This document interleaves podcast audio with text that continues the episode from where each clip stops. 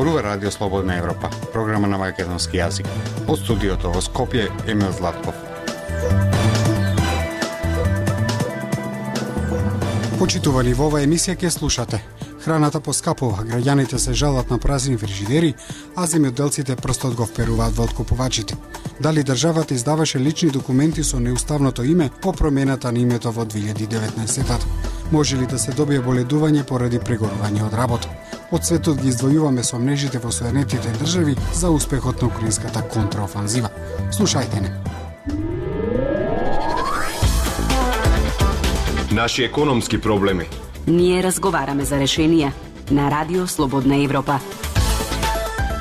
Половина плата оди за храни и пијалоци. Храната за две години поскапела за 40%, а има и нови најави за поскапување. Граѓаните се жалат на празни фрижидери, а земјоделците прстот го вперуваат во откупувачите. Пелагија Стојанчова на оваа тема. Некогаш фрижидерот ни беше полн, сега пазарите се полни, а фрижидерите празни. Вели Игор Стојковски од Скопје. 58 годишниот скопјанец заклучува дека до пред некоја година се живеело полагодно и барем за зелен чукјовошје секогаш имало пари, оти тука во земјава барем тоа раст. Пазарот е пун, не знаеш што да земеш, кој Неко порано јади, јади да се забораиш. Сега немаш ни тукава желба, ама и не можеш. Е, сега месо може човек па да се одвикне па да не го јаде се. Ако е скапо многу. На храна и пијалоци граѓаните трошат речиси половина од своите плати, покажуваат податоците од минималната потрошувачка кошница што изработува Сојузот на синдикати. Синдикатот пресметал дека на едно 4 члено семејство му требаат безмалку 800 евра за да го истурка месецот. Половина од тие пари отишле за да се прехранат. Токму и затоа граѓаните најмногу чувствуваат кога храната ќе поскапи. Трошоците за живот во јули биле за 8,4% повисоки од истиот месец минатата година, покажуваат податоците на Заводот за статистика. Најмногу е поскапен мебелот, кафеаните и храната. Храната во изминатите две години поскапела за скоро 40%, а зеленчукот за цели 50%. По најавите за поскапи млечни производи доаѓаат најави за поскап леп. За разлика од сирењето и лебот, месото не се очекува да поскапи. За граѓаните храната е скапа. За тие што ја произведуваат, пак заработката едва им ги покрива трошоците. Не е ни до земјоделците, ни до потрошувачите. Проблемот е кај откупувачите, посочува Билјана Петковска Митревска, земјоделка која е дел од Националната федерација на фармери. Бидејќи не се реално од земјоделците, реално се од откупувачите и од она што потоа се препродава на маркетите и излегува на пазарот од каде што сите потрошувачи набавуваат храна. Растот на цената во Македонија се должи на домашни фактори, а не на надворешни, вели Бранимир Јовановиќ од Виенскиот институт за економски истражувања.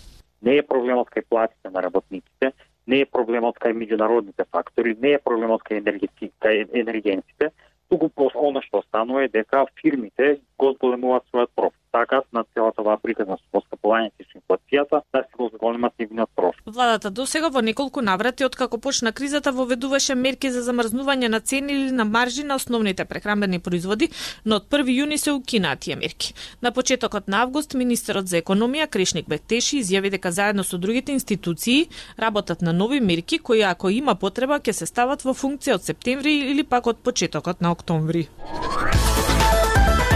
Радио Слободна Европа, светот на Македонија.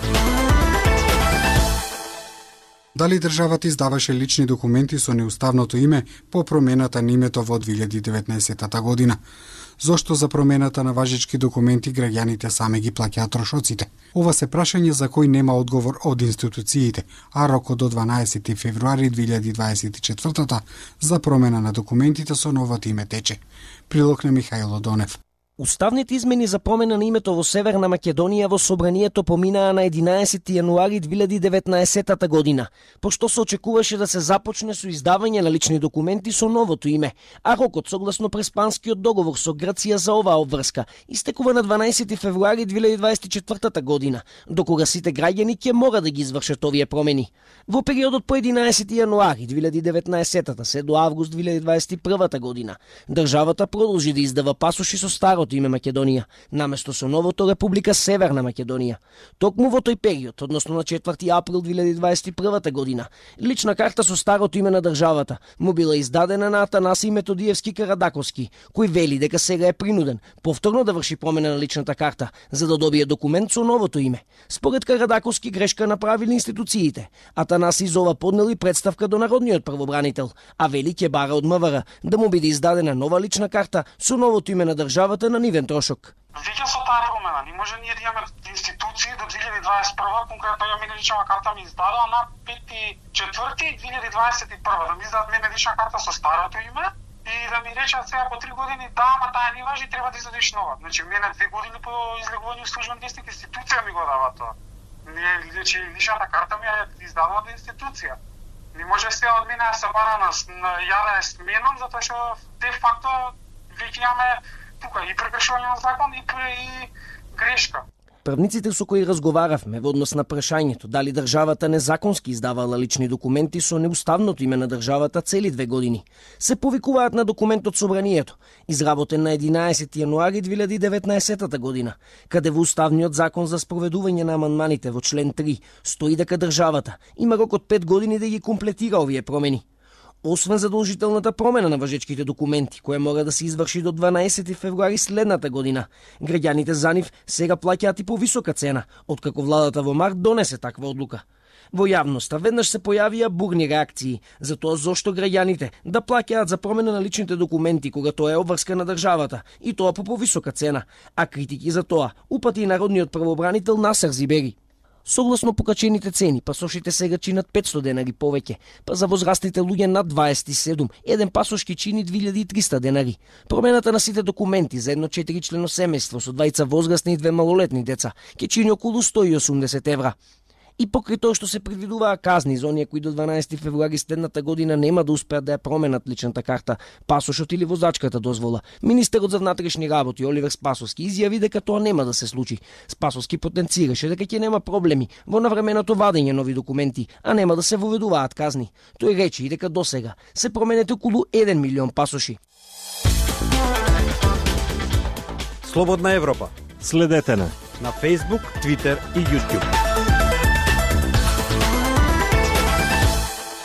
Не е синдром на прегореност од работа или burnout се што гори, но луѓе со симптоми на исцрпеност од работа има се повеќе. Кој бара помош заради исцрпеност од работа? Емилија Бунтеска нацоска на оваа тема. Ако се потврди дека имате состојба на витална исцрпеност од работа или burnout, според меѓународната класификација на болести МКБ-10, која ја применува и македонскиот здравствен систем, матичниот лекар може да ви отвори боледување. Оваа диагноза е дефинирана во глава 21 како поголема група на фактори кои влијаат на здравствената состојба во правилникот за критериуми на привремена спреченост од работа. За оваа диагноза, избраниот матичен лекар може да даде боледување до 7 дена, без примена на критериуми, а со извештај од специјалист до 15 дена. Стои во одговорот од Фондот за здравствено осигурување. Доктор Бојан Трајковски, кој работи како матичен лекар последниве три години, вели дека ниту еден негов пациент досега не отворил боледување на оваа основа. Бурнаут а, постои како дел од македонска шифраника, е постишен за 73.0 и се води како исцрпеност од работа. Во мојата пракса до сега не сум отворил боледување заради тоа што постои одредени диагностички минимум кој што јас како лекар морам да ги исполнам, а одреден дел на пациенти од соодветно заредуваме со друг тип на симптоми, че со цел да немаме компликации при самото боледување. Вели доктор Трајковски. Светската здравствена организација СЗО не го класифицира така наречениот burnout, односно прегорувањето од работа како медицинска состојба, туку како синдром кој е резултат на хроничен стрес на работното место кој не е успешно контролиран. Симптомите знаат буквално да онеспособат еден човек и затоа треба да се препознае на време и да се делува, апелираат експертите. Често пати луѓето не го препознаваат на начин на кој што гледаат во симптомите, да кажеме. Имам анксиозност, имам нешто друго. Вели психологот и психотерапевт Тијана Ивановска, која со синдромот на професионално согорување често се среќава во незината пракса. Матичниот лекар Трајковски забележува дека најподложни на прегорување се луѓето кои работат во тешки услови во ноќни смени и имаат сериозен стрес на работа која бара активност речиси 24/7. Најголем процент од прегорените за жал се млади, заклучува доктор Трајковски. Психотерапевтката Ивановска потврдува дека младите се посвесни, но истакнува дека некогаш само мислат дека прегореле. Исто така они имаат изразито помала толеранција на фрустрација често пати препознаваат брнаут во некој природен процес на стекнување на отпорност. Додава Ивановска. Таа вели дека најважно е стручно лице да разграничи за каква состојба станува збори смета дека потребно е да се користат повеќе диагностички алатки, тестови и клинички интервјуа за да се дојде до вистински заклучок. Како е во регионот? Вработените во Црнагора не можат да земат боледување поради синдром на исцрпеност на работа или прегорување како што е дефинирано од СЗО, бидејќи црногорскиот здравствен систем тоа не го препознава. Договорено е тој да се применува во земјите членки од јануари 2022 година, потврди за Црногорскиот сервис на РСМ Мина Брајовиќ, шеф на канцеларијата на СЗО во Црнагора. Од земјите во регионот Босна и Херцеговина го промени своето законодавство и го вклучи овој синдром во каталогот на болести, додека Србија, иако е членка на СЗО, не ја промени легислативата која би ја вклучила исцрпеноста на списокот. Во Хрватска, која е членка на Европската Унија, исто така не е променет регистарот на болести, а проблемот со исцрпеноста е евидентиран како диагноза на стрес. Актуелности свет на Радио Слободна Европа. Во Соединетите држави се зголемува сомнежот дека Украина ќе ги постигне целите на своите офанзивни операции оваа година. Ова следува по бавниот напредок на украинските сили во првите два месеца од контраофанзивата, што Киев ја започна за ослободување на териториите контролирани од Русија. Прилог на Зорана Гаджовска-Спасовска.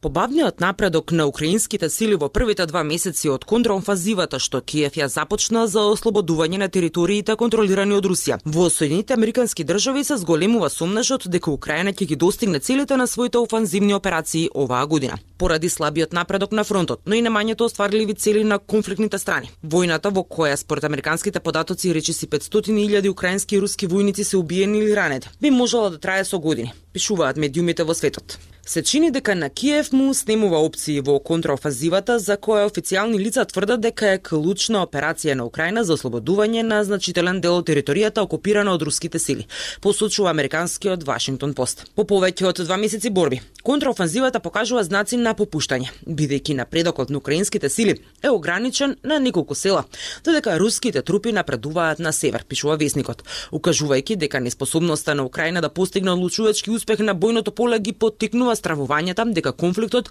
влегува во ќорсокак и дека меѓународната поддршка за Киев може да ослабне. Новиот доврлив извештај на американското разузнавање предвидува дека украинските контраофазивни сили нема да успеат да стигнат до клучниот град Мелитопол на југоистокот оваа година. Од друга страна, истакнува Вашингтон Пост, се очекува дека во Соединетите држави ќе има се погласни повици за намалување на помошта за Украина, како што се приближуваат председателските избори во ноември 2024 година. Аналитичарите велат дека Украина веројатно нема да направи пробив во офанзивата без напредно оружје или целосно распоредување на силите кои се уште се во резерва. До тогаш украинските и западните власти повикуваат на трпение, велејќи дека напредокот е побавен од очекуваното, но инсистирајќи на тоа дека Украина остварува постојани придобивки. Од почетокот на контрафазивата во јуни, украинските сили повторно зазедоа околу 200 квадратни километри окупирана територија, со најголеми придобивки кон Бахмут на исток и во регионот Запорожје јужно од Орхив. Американските власти се се покритични кон стратегијата на украинската контрафазива, но се и попесимисти во врска со незините шанси за успех, што според Financial Times ги пролабочува тензиите меѓу Киев и Вашингтон во најкритичната точка од војната, од почетокот на руската инвазија. Една од точките на тензија меѓу американските и украинските официјални лица седмица се однесува на прашањето како Киев ја распоредил својата војска. Американските власти ја охрабруваат Украина да биде помалку склона кон ризик и целосно да ги насочи своите сили